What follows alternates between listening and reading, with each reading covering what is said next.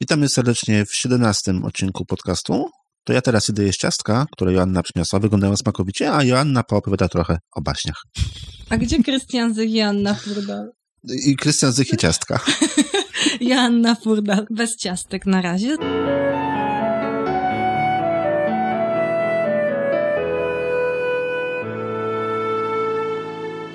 Dzisiaj porozmawiamy trochę o baśniach.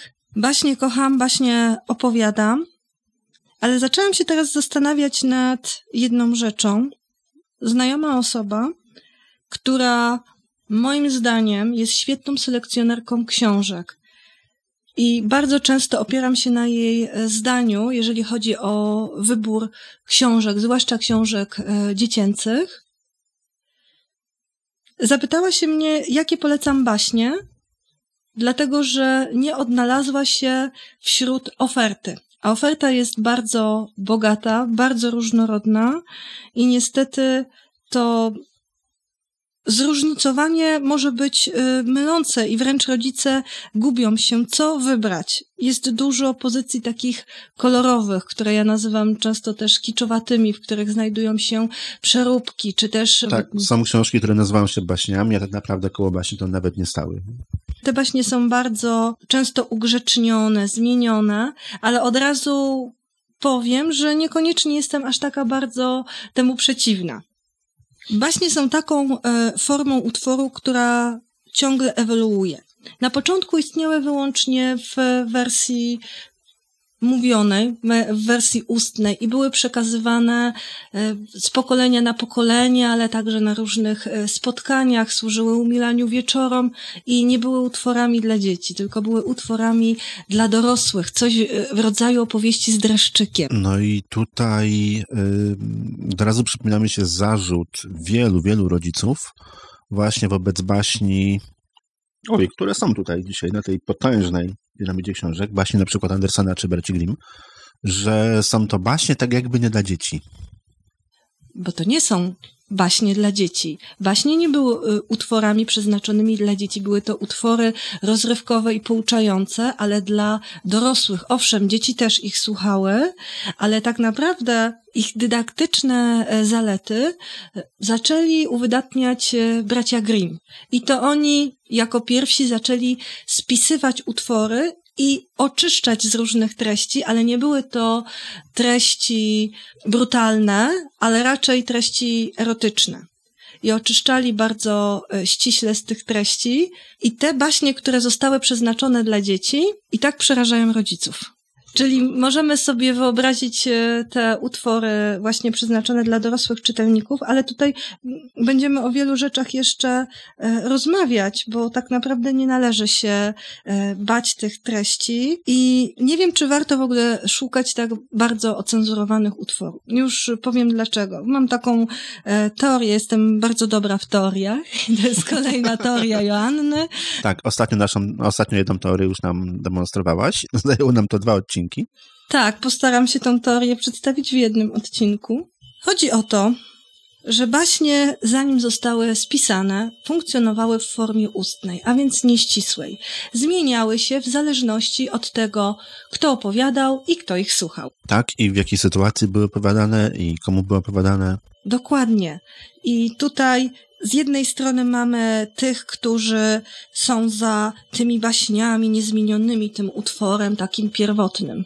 Tylko jak wyglądał no ten tak, utwór tylko pytanie, jak on wyglądał, tak? tak w jaki dokładnie. sposób dotrzeć w tej chwili My do tych znamy źródeł? tylko te, które zostały już spisane i utrwalone, niejako. E, z drugiej strony e, rodzice chcieliby przekazywać dzieciom treści jak najdelikatniejsze, jak najłagodniejsze. I Czyli sięgają... nie te oryginalne, w sensie pierwsze spisane, bo one nie były wcale takie. Wcale takie nie były, ale z drugiej strony, biorąc pod uwagę, że jak już mówiliśmy, że baśnie e, były zmieniane przez opowiadającego, a często też przez słuchaczy, może nie do końca przez e, nich świadomie, ponieważ opowiadacz się dostosowywał do swojej publiczności, bo wiadomo, chciał ją przy sobie przytrzymać.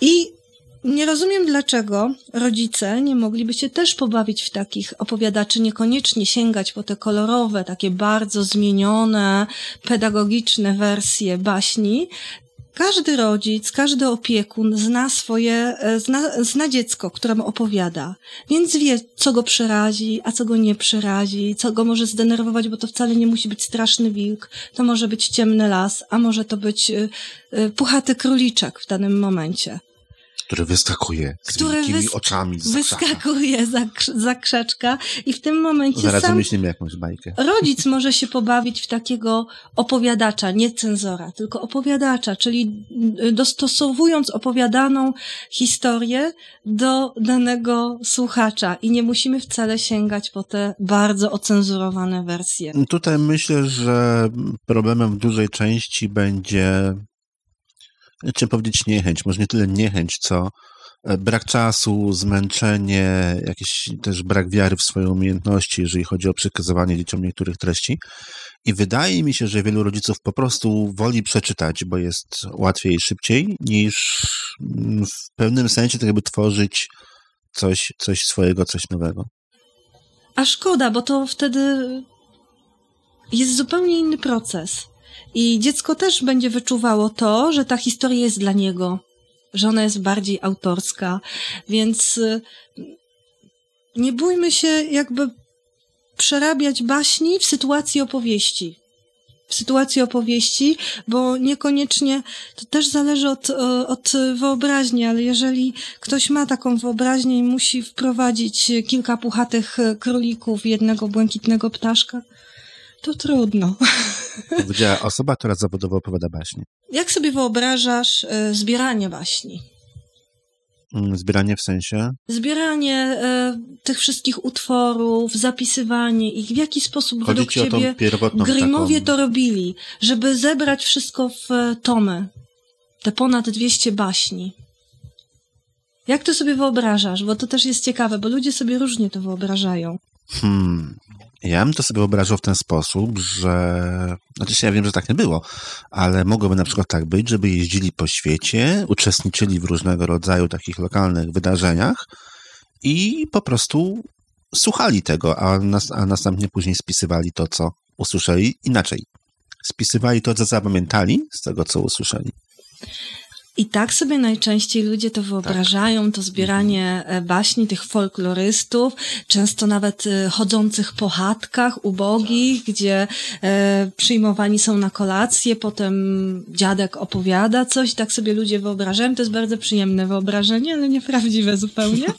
Dlatego też powiedziałem na początku, że wcale tak nie było. Wcale tak nie było. Tymi właśnie lektorami, opowiadaczami Grimmów były osoby wykształcone, zamożne, były to panie z towarzystwa, które często mm, nie miały innego zajęcia, było to dla, była to dla nich rozrywka, a historie opowiadały im służące.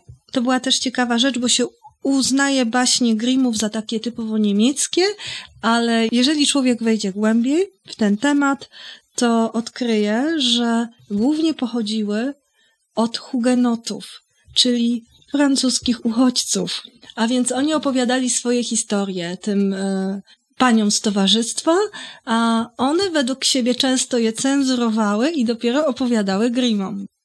Nie dość, że baśnie Grimmów nie pochodzą z e, niemieckich chat, często pochodzą z francuskich, to jeszcze były już na tym etapie opowiadania zmieniane. Zmieniane pod względem języka, e, być może oczyszczane przez osoby, które już, e, które przekazywały te historie Grimmom. Tak, no ale też i sami Grimowie przecież spisując potem A te baśnie, przecież nie pisali. sami oczyszczali. Tak, nie pisali jeszcze, na tak? żywo podczas opowiadania.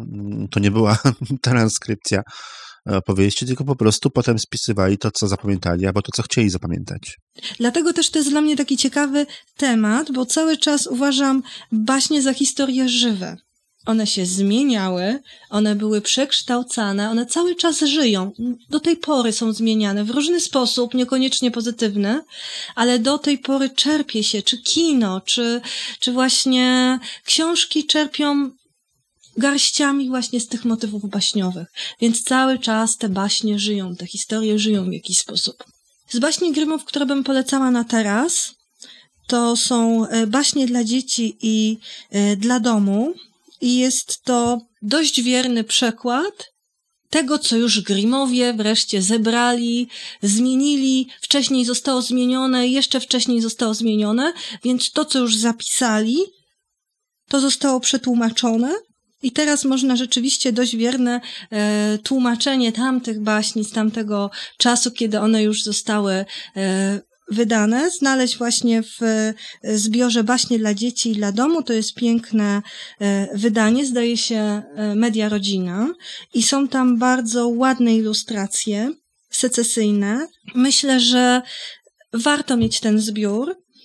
Podobnie bardzo Jest to w sumie ten zbiór. zbiór, który można uznać za oryginalny, tak? W cudzysłowie. W dużym cudzysłowiu, tak. To, to są baśnie, które nie są, e, nie są zmienione, nie zostały już w żaden sposób dalej ocenzurowane i rzeczywiście są tym e, źródłem, z którego już można korzystać, czerpać Ta e, grimowska inspiracje. Tak, ta grimowska wersja, dokładnie.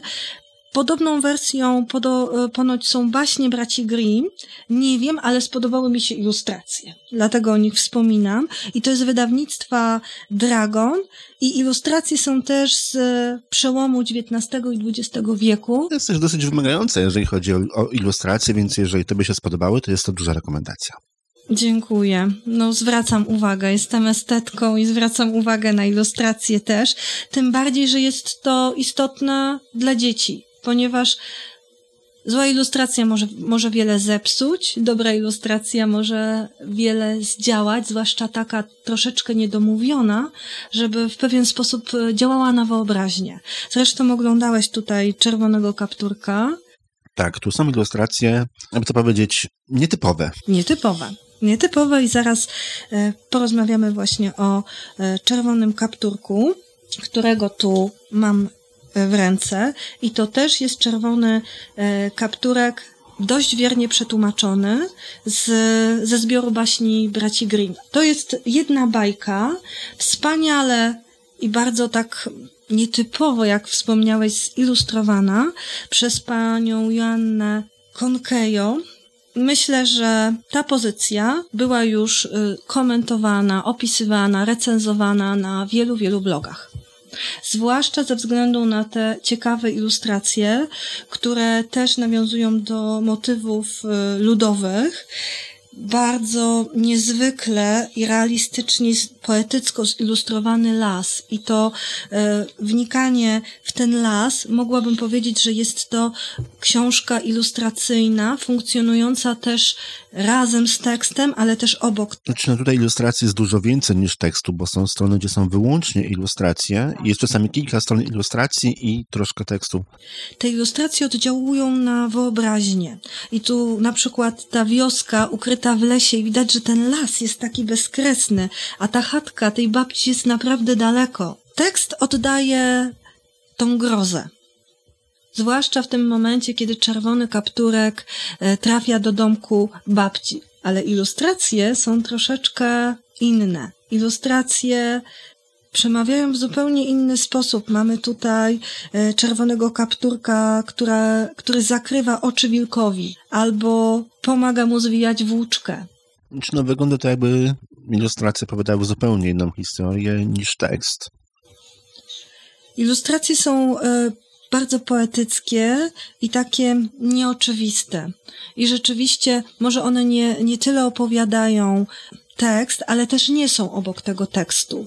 Po prostu w zupełnie inny sposób wpływają na wyobraźnię, bo na przykład ta ilustracja, ona już oddaje tą, e, tą grozę tego, co się tutaj za e, chwilę wydarzy.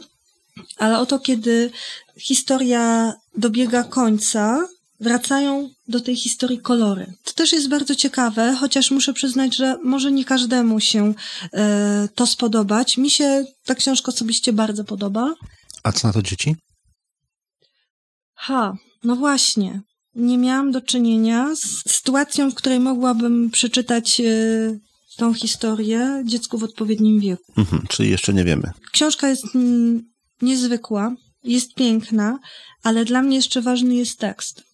Doczytałam się na jednej z recenzji, że jest tu oto wspaniale wreszcie wydana pierwotna wersja Czerwonego Kapturka. No tak, tylko co to znaczy pierwotna wersja Czerwonego Kapturka znowu? Chodzi o to, że jest tutaj wersja Czerwonego Kapturka Grimmów, jedna z kilku, bo tych wersji było trochę więcej, nad Czerwonym Kapturkiem Grimmowie się trochę głowili i nie wiedzieli, jak rozwiązać tą historię tak naprawdę uznali, że będzie z happy endem, bo tak naprawdę w pierwotnej wersji nie było happy endu i zaraz porozmawiamy o wersji bez happy endu i skąd ona pochodzi. Ta wersja, którą znamy, która kończy się e, wraz z pokonaniem wilka z pomocą tutaj leśniczego, myśliwego. Istniała też wersja, która była mniej popularna, przestała się sprawdzać z czasem i zaniknęła w sposób naturalny. Była to Pamiętasz, wersja... jak się kończyła?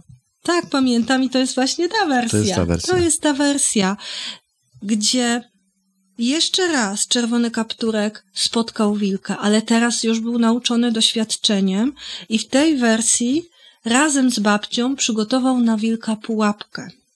I to była taka wersja może nie tyle dydaktyczna, co podkreślająca babcię jako osobę pomocną, która może służyć e, radą jako kobieta z większym doświadczeniem. I to właśnie nie przetrwało próby czasu, ale teraz do nas powraca i dlatego uważam, że to jest świetny prezent dla dziewczynki, dla starszej nieco dziewczynki, powiedzmy no już wiek wczesnoszkolny, gdzie rzeczywiście jest tu podkreślone znaczenie doświadczenia starszej osoby i tego, że zawsze może liczyć na pomoc.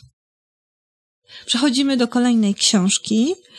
Są to baśnie Charlesa Preno, Francuza, który zbierał je, może nie tyle zbierał, co zbierał i intensywnie przetwarzał, bo były to przede wszystkim baśnie dworskie, historie do zabawiania towarzystwa na dworze, przy, przy akompaniamencie.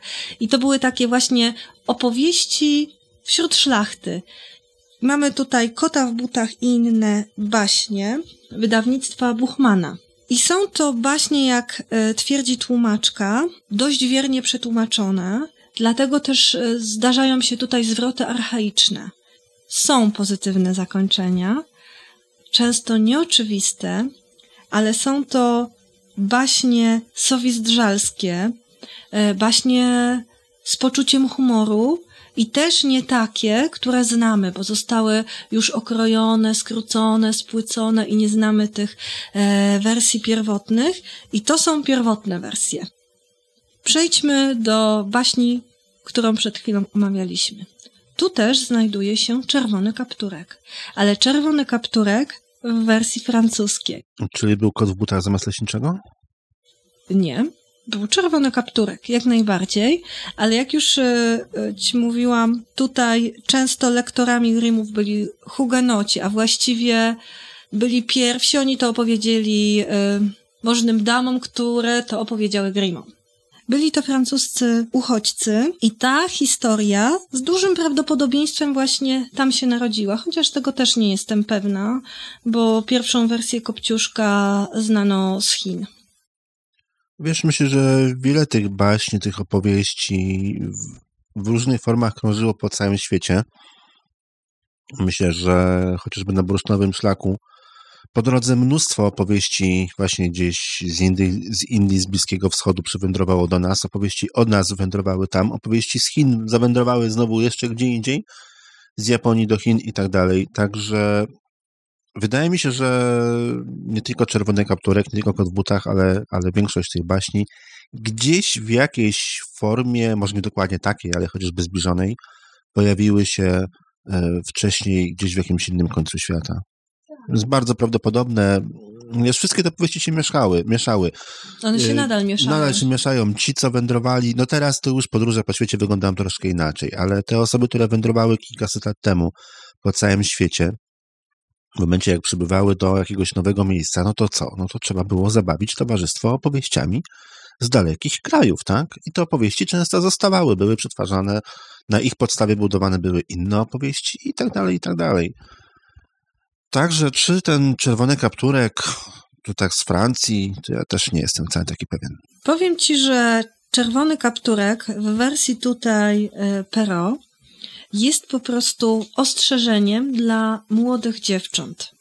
I to jest to, czego nie chcą przyjąć. Często mamy z czerwonego kapturka, że to jest taka nadinterpretacja psychologiczna. Nie, on został tak napisany, a to jest XVIII wiek. I tutaj rzeczywiście czerwony kapturek był anegdotką, anegdotką, przestrogą. I o tym świadczy morał, bo baśnie te zawsze były opatrzone jednym lub dwoma wierszowanymi morałami. Morał. Młode osoby, każdy to widzi snadnie, a dziewczęta w szczególności, ładne, zgrabne, wielkiej zacności, źle robią, słuchając kogo popadnie.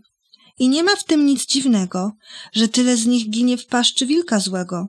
Mówię wilka, bo wśród wilczej braci różne typy zdarza się zobaczyć. Niektóre bardzo milutkie, ciche i bez cienia złości, miłe, pełne łagodności, co za młodymi pannami do ich domów ciągną ulicami. Lecz niestety każdy wie, że te wilki grzeczne to są te najbardziej niebezpieczne. I to było po prostu No tak, ostrzeżenie to całkowicie przed zmienia postać, postać rzeczy. A kończy się ta historia na tym, że czerwony kapturek zostaje zjedzony. Nikt go nie ratuje. I to była ta, ta wersja tutaj. Tu mamy całkowicie naprawdę inną historię. I wcale nie chodzi o las, wcale nie chodzi o wilka. Wcale nie chodzi o las i wcale nie chodzi o wilka, ale teraz, y, mm, kiedy pojawiają się te psychologiczne analizy, nikt, y, nie wiem, czy psycholodzy w ogóle zaglądają do źródeł. Przepraszam, może zaglądają. Ale że tutaj e, ten kapturek jest symbolem tego, a wilk jest symbolem tego. Nawet nie symbolem. To zostało zwyczajnie napisane. Nikt nie musi tego aż tak bardzo analizować. Nie ma co doszukiwać się aż tylu symboli, jak ktoś ci to napisał czarno na białym. Słuchaj, Krystian, pamiętasz jak się kończy Śpiąca Królewna? E, jakimiś romantycznymi pocałunkami? E, tak. Przynajmniej w świadomości zbiorowej kończy się rzeczywiście na pocałunku i książę odjeżdża z Tak. księżniczką na koniu najczęściej białym. Mhm, w kierunku zachodzącego słońca. Tak. Być może. Ale w tej wersji tutaj pierwszej, być może pierwszej, e, Charles Perrault, zobacz, tutaj jest moment pocałunku, a to jest reszta tekstu. Ojej, tu jest jeszcze trzy, cztery, pięć stron. Tak. I morał. I morał. Oczywiście. Dlatego, że o ponad połowę ta historia została skrócona i jest znana jakby tylko w tej pierwszej części, bo tak naprawdę jeszcze w dalszej części wydarzyło się tu wiele rzeczy. Mianowicie książę miał okropną matkę, która była straszną olbrzymką. I tutaj jest ukazane dalsze życie królewicza i królewny już po ślubie i wcale nie usłane różami. Także nie skończyło się na tym i żyli długo i szczęśliwie. Żyli jeszcze przez jakiś czas bardzo burzliwie, zanim zaczęli żyć długo i szczęśliwie. Ale to była chyba niewygodna już wersja, tak? Dlatego Może była niewygodna. Rzeczywiście ta druga część jest y, dosyć mm, brutalna, ale też jest ciekawa i może warto o tym wspomnieć. W tym zbiorze znajdziemy kilka baśni. Bardzo ciekawą baśnią jest ta, której ja sama wcześniej nie znałam. To jest Świrek Szczupkiem. Słyszałeś kiedyś o takiej Nie. baśni? Nie, w ogóle nie słyszałem takiej baśni. Nie słyszałeś. A jest to historia przeurocza. Jest to historia miłosna mm, o księciu, który wskutek knowań wróżki okazał się być księciem bardzo nieurodziwym, ale jednocześnie miłym, inteligentnym, uroczym. I księżniczki, która chociaż jest piękna, to niestety niezbyt inteligentna. Ale jak to w bajkach bywa, wszystko kończy się dobrze, ale troszkę przewrotny jest morał. Dlatego, że tu autor mówi, że to nie do końca musi, stało się wszystko za sprawą czarów. Że oto książę stał się piękna, księżniczka mądra, tylko może dzięki miłości. Bo dla zakochanego księcia każda kobieta, którą on kocha, jest Tak, mądra, a dla mądra. zakochanej Mhm. księżniczki jej wybrany jest piękny, Mhm. zwyczajnie w świecie. Z historii tej wynika, nie ma wątpliwości, to nie są czcze wymysły, ani gadka płocha. Wszystko jest piękne. W tym, co się kocha. Wszystko, co się kocha, jest pełne mądrości. I to też jest do, nie do końca e, typowe, ale może dlatego e, warto sięgnąć do tych opowieści, bo to te baśnie, o których mówimy, są rzeczywiście baśniami e, w dużym stopniu wiernymi, ale jednocześnie takimi nie do końca znanymi e, szerszej e, publiczności, nie do końca znanymi tej postaci. W tej postaci, dokładnie. Jeszcze jedną rzecz powiem o tej książce, o tej, e, tej konkretnej. Kot w butach i inne baśnie wydawnictwa Buchman. Ilustrację do niej stworzyła Aleksandra Kucharska-Cybuch. Już też kiedyś chyba w jakimś odcinku o niej wspominaliśmy. I one naprawdę oddają klimat baśni. Nie są, powiedziałabym, bardzo nowoczesne, ale są właśnie bardzo, bardzo ciekawe i bardzo e, pasują do tego dworskiego klimatu baśni i oddają charakter epoki. Mhm, są takie bardzo baśniowe. Bardzo baśniowe, są po prostu bardzo baśniowe i te ilustracje myślę spodobają się i dzieciom i rodzicom. Jeżeli chodzi o historię, to zostawiam to dla oceny czytelników. Przejdźmy do kolejnego baśniopisarza. Już nie mówimy o zbieraczu baśni, tylko mówimy o baśniopisarzu, czyli o Hansie Krystianie Andersenie. Córka Moczarów i inne baśnie, wydawnictwa Media Rodzina, to jest y, ten najnowszy przekład, bezpośrednio z duńskiego. I tutaj bardzo dużo na ten temat mówiliśmy w czwartym odcinku podcastu o tłumaczeniach. Tak, jest to pierwsze, absolutnie pierwsze tłumaczenie baśni bezpośrednio z języka duńskiego. Wszystkie poprzednie były tłumaczone z języka angielskiego albo z języka niemieckiego. Ja absolutnie nie mam tutaj żadnych zastrzeżeń, powiedzmy, do tłumaczy i do tłumaczenia. No tak, ale jednak tłumacząc z języka na język i z tego Dokładnie. języka na inny język, musi się coś zgubić. Dokładnie i tutaj dużo zostało zatracone przez to, że nie było to tłumaczone z języka e, oryginalnego, ale jeżeli chodzi o najnowsze tłumaczenie tutaj Bogusławy Sochańskiej, są one zdecydowanie wierniejsze i nie zatracają tego, co zostało stracone przez przekalkowywanie tego z innych e, języków. Nawet jeżeli są ludzie, którzy są bardzo przywiązani do tych e, e, starych wersji, Andersena. Zachęcam do zapoznania się również z tymi e, nowymi, tym bardziej, że w tych zbiorach pojawiają się baśnie mniej znane. I tutaj to jest zbiorek, w którym zgromadzono historie może troszkę mniej znane. Są, są przemieszane, ale są tu utwory i te, które są znane prawie wszystkim, i te, które, których nawet ja nie znałam, na przykład córki y, króla moczarów, ale również z tłumaczenia tutaj y, pani Sochańskiej jest y, więcej, znacznie więcej zbiorów, ponieważ Media Rodzina wydał ich chyba kilka i takim zbiorem, w którym można znaleźć te najpopularniejsze baśnie, są po prostu baśnie. Baśnie Hansa Christiana Andersena, podobnie wydane jak e, Córka Króla Moczarów. Chciałam jedną rzecz dopowiedzieć o tych konkretnych wydaniach Media Rodzina. Ten zbiór zawiera 19 baśni i jest zilustrowany przez panią, o której już wspominałam, przez Aleksandrę Kucharską-Cybuch, a więc są to ilustracje, które z baśniami świetnie współgrają nie są ani zbyt dziecinne, ani zbyt infantylne, ale też nie są e, zanadto szczegółowe i pozostawiają dużo pola dla wyobraźni. Dlatego też e, i z tego powodu, nie tylko z powodu tego tłumaczenia, ale również z powodu ilustracji, no jest to wydanie bardzo ładne. Media Rodzina ma wiele bardzo ładnie wydanych książek. W ogóle starają się, tak. żeby te książki wyglądały tak, jak powinny wyglądać.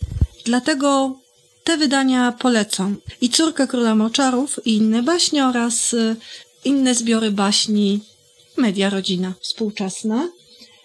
I przechodzimy, uwaga, do Hansa Christiana Andersena. No dawno o nim nie rozmawialiśmy. Dawno o nim nie rozmawialiśmy. Tu mam przed sobą Dzikie Łabędzie. Przyniosłam y, tą książkę z tego względu, że po pierwsze, jest to książka przetłumaczona przez panią Bogusławę Sochańską, ale zilustrowana przez panią, o której już wspominaliśmy również, czyli panią Joannę Konkejo. Mówiliśmy dzisiaj o czerwonym kapturku, który został opatrzony rysunkami przez tą ilustratorkę. A teraz mam tutaj e, Dzikie Łabędzie Hansa Christiana Andersena. Dzikie Łabędzie zawierają znacznie więcej tekstu. Jest to e, utwór długi, wielowymiarowy. Znaczy więcej tekstu porównujesz teraz do czerwonego kapturka, tak? Tak, do czerwonego mhm. kapturka i tych ilustracji. No tak, w czerwonym kapturku tam ilustracji było bardzo dużo, tak? Tak, tam przede wszystkim były ilustracje, mhm. bardzo ciekawe, wprowadzające do historii, często ją przedłużające. A tutaj mamy y, ilustracje do dzikich łabędzi, które osobiście bardzo, bardzo mnie zachwycają. Są takie troszkę e, oniryczne, ale przede wszystkim są bardzo baśniowe, znacznie więcej koloru. Mnie osobiście e, zachwycają wszystkie kwiaty, które tutaj e, wykwitły na kartach tej książki. Jest to nie tylko pozycja pięknie zilustrowana, ale też z tego najświeższego tłumaczenia, bezpośrednio z języka duńskiego, dlatego bardzo ją e, polecam. Coś dla ucha i coś dla oka.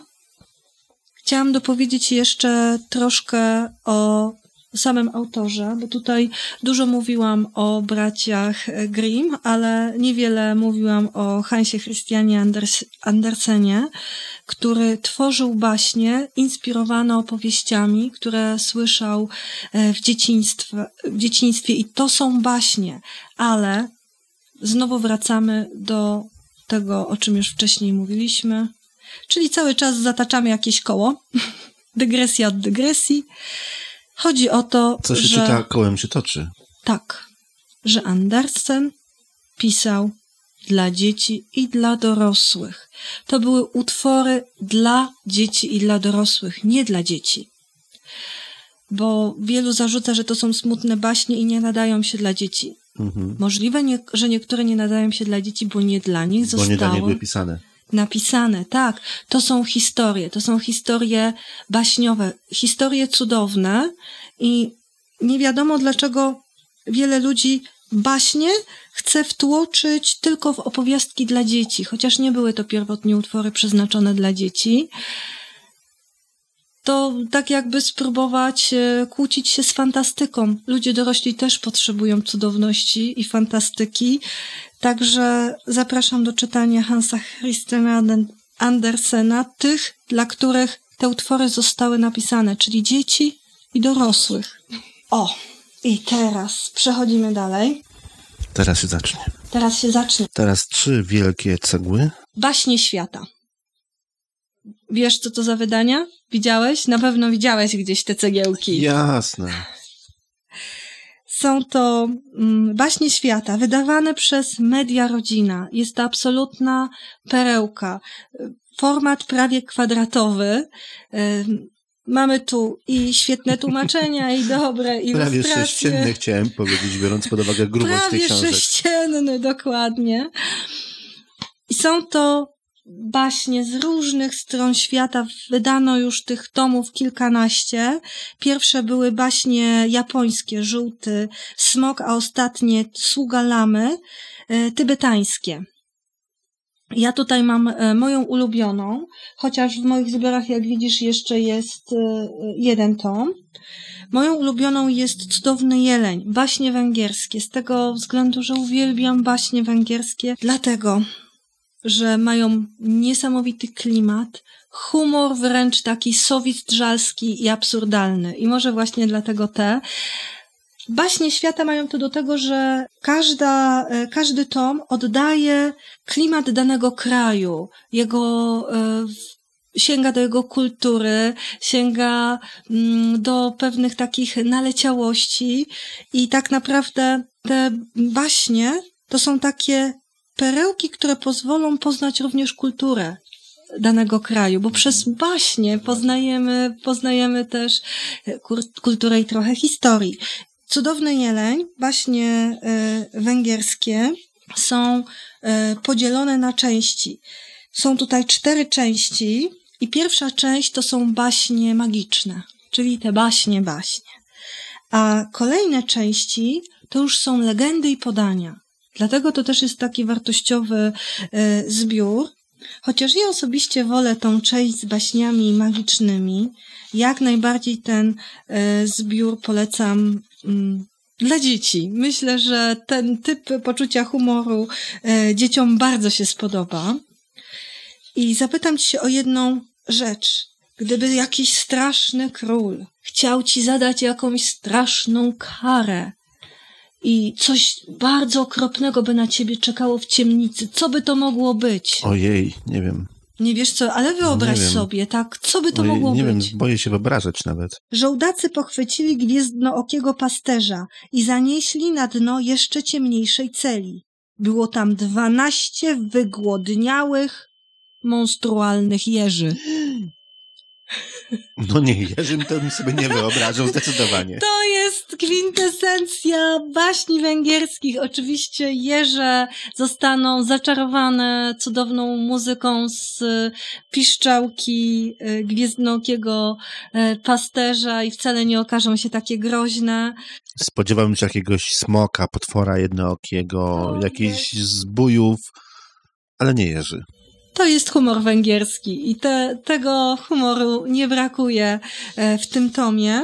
Mam nadzieję zresztą opowiedzieć jedną e, z baśni na Nocy Tysiąca Jednej Baśni, właśnie z tego tomiku, ale może nie będę zdradzała jaką. Jest to pozycja dość bogato ilustrowana. No właśnie, ilustracje są dosyć ciekawe, ale są trochę takie inne niż w pozostałych, w tamtych książkach, które przedtem Tak, ponieważ są to ilustracje nawiązujące typowo właśnie do kultury do konkretnego regionu. do tak? konkretnego regionu, do konkretnego kraju. Motywy są też e, ludowe, zaczerpnięte właśnie z tradycji węgierskich, dlatego też między innymi polecam. Ja mam tutaj jeszcze sekret życia, baśnie hinduskie, nie wiem czy cię zachęca ta okładka. Jeżeli chodzi o baśnie hinduskie, to wracamy do e, starego, ogranego, oklepanego tematu. E, Baśnie pierwotnie nie były pisane dla dzieci i te baśnie tutaj hinduskie są rzeczywiście takie...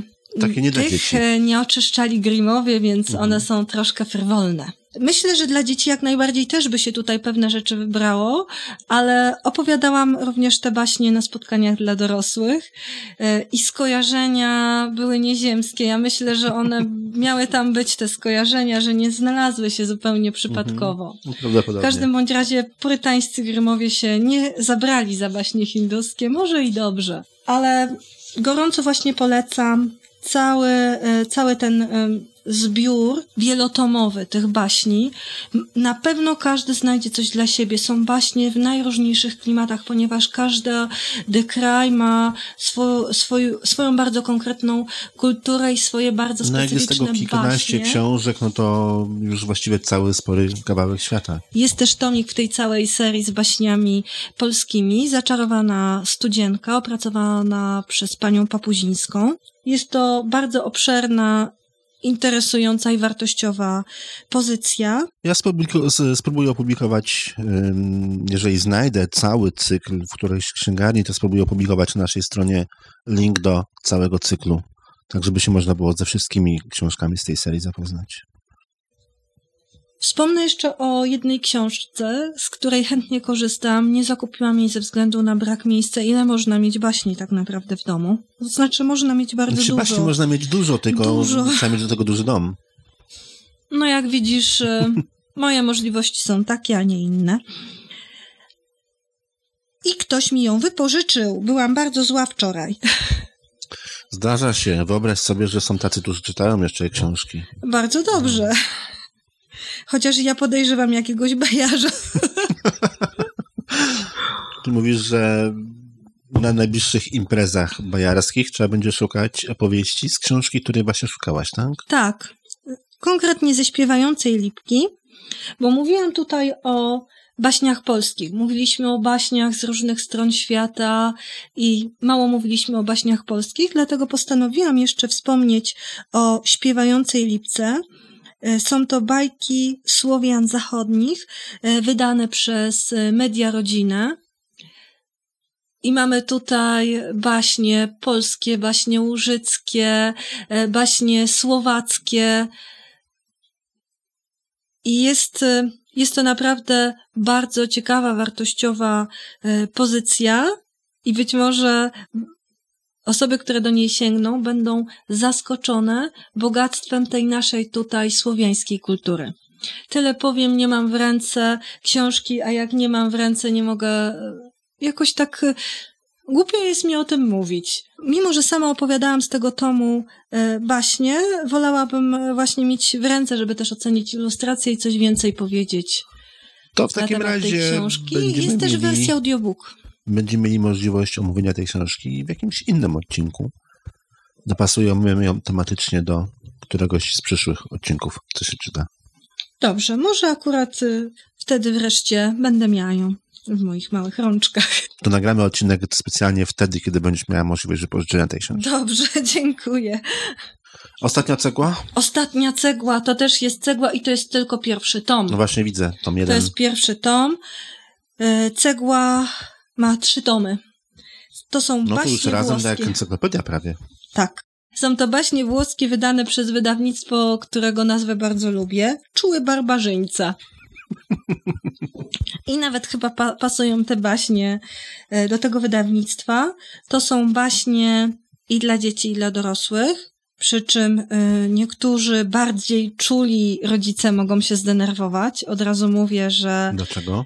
Tak jak rozmawiałam z różnymi też opowiadaczami i bajarzami, y, te książki są ich marzeniem, żeby je mieć. Jednocześnie y, uważają je za autentycznie najbardziej dziwne i były też inne słowa, mhm. baśnie jakiekolwiek kiedykolwiek czytali. Ciekawe, a Włosi takie by się mogło wydawać spokojnych rzeczy naród. No, chyba tutaj tak sycylijsko wręcz bywa czasem. Bywają bardzo mroczne, bywają okrutne, ale też są takie z dużym poczuciem humoru i sowizdrzalskie. Jest to mm, zbiór zebrany przez pana Italo Calvino, który sam jest literatem, ale też e, zbieraczem baśni i folklorystą i ten pan wykonał ogromną pracę po prostu, bo to nie było tylko zbieranie baśni. On je także w dużym e, stopniu musiał przystosowywać, bo były w różnych dialektach i tak naprawdę czasami były fragmentaryczne, więc ten e, trzytomowy zbiór to jest praca na miarę właśnie zbioru braci Grimm i warto, e, warto tutaj zajrzeć, ale jest ciekawa rzecz, którą ja zauważyłam, myślę, że nie tylko ja, ale każde baśnie mają swoje specyficzne e, zakończenia. Mhm. I żyli długo i szczęśliwie. No w zależności od baśni. Tak? Ja tam byłem, miód i mleko piłem. Z kolei baśnie węgierskie mają bardzo charakterystyczne zakończenia i żyją szczęśliwi dziś jeszcze, jeżeli nie zmarli. Albo i żyją po dziś dzień, o ile nie pomarli. I to jest takie charakterystyczne dla baśni węgierskich, natomiast baśnie włoskie, które już niejednego bajarze nawet przeraziły, kończą się często w inny sposób. I choć działy się tam figle migle, drzwi trzymały mocne rygle. Zjeść poszedłem do gospody, taki koniec mej przygody. Albo obaj długo królowali, a mnie nic nie darowali. Jednym słowem, jeżeli chodzi o e, polskie baśnie, czyli ja tam byłem, miód i wino piłem, wszyscy byli dla narratora i bajarza gościnni ale mhm. jeżeli chodzi o włoskiego narratora Bajarza, to, No to nie, raczej no to zatrzaskiwane są przed nim drzwi. To też jest charakterystyczne zakończenie dla baśni włoskich. Możliwe, że e, to, co nabajał ten bajarz, nawet sami bohaterowie baśni nie byli w stanie zaakceptować, dlatego zatrzasnęły się przed bajarzem drzwi. I na tym tomie zakończymy. Zakończymy naszą opowieść o baśniach. Było Mam- tego dużo. Było tego bardzo dużo. Było tego jeszcze więcej objętościowo. O, gdybyście widzieli te książki, ile tego tutaj jest. Są to bardzo obszerne pozycje, e, pięknie wydane, w grubych oprawach, więc. No to fakt. Wszystkie, wszystkie co do sztuki są naprawdę rewelacyjnie wydane. I tak naprawdę wśród tych baśni każdy jest w stanie znaleźć dla siebie coś ciekawego. Nie namawiamy, żeby wykupić naraz wszystkie tomy wszystkich baśni, bo myślę, że jednego pokoju by dla tych e, baśni nie starczyło. Na szczęście mamy takie twory zwane bibliotekami, z których można korzystać i, i takie baśnie można do domu na jakiś czas przynieść. Zachęcamy. Nie wiem, jak to jest w innych miastach, ale w Poznaniu się ostatnio zmieniły warunki wypożyczenia książek parę miesięcy temu i można więcej książek wypożyczyć w Tak. tej chwili niż było kiedyś, bo kiedyś To były jest dla cztery, mnie bardzo teraz niedobre, zwłaszcza dla mojego kręgosłupa. ja powinnam dbać o mój krzyż. No to nie, to trzeba złożyć skargę do biblioteki, że tak, muszą z powrotem przywrócić cztery. zdecydowanie. Muszą spo, koniecznie z powrotem przywrócić cztery książki, bo jednak sześć to za dużo. No ja wczoraj całe sześć przyniosłam. Te sześć? Nie, jeszcze mam tam. Aha, jeszcze są inne, tak? Tak. Jeszcze są takie nie, Niebaśniowe. Nie, nie do naszego podcastu. Zapraszamy do bibliotek, zapraszamy na co się czyta.pl, ukośnik. Ojej, który to jest odcinek? 17. Siedemnasty. No co muszę zacząć notować chyba ściągi jakieś pisać, który odcinek nagrywamy. Już zaczynamy się gubić. No, mimo, że nie mamy tego jeszcze, nie wiadomo jak dużo, no ja przynajmniej się gubię. E, Zapraszam na co się czyta.pl ukośnik 17, tam linki do wszystkich stron, do wszystkich tych książek. Jeżeli mi się uda, nie obiecuję, postaram się opublikować także do całej serii mm, baśni mm, z wydawnictwa Media Rodzina, tych, co tutaj Joanna wspominała właśnie o, bask- o baśniach hinduskich i węgierskich. No i oczywiście zapraszamy za tydzień o tej samej porze, w tym samym miejscu. Nie bójcie się baśni. Nas też nie. Do usłyszenia. Do usłyszenia.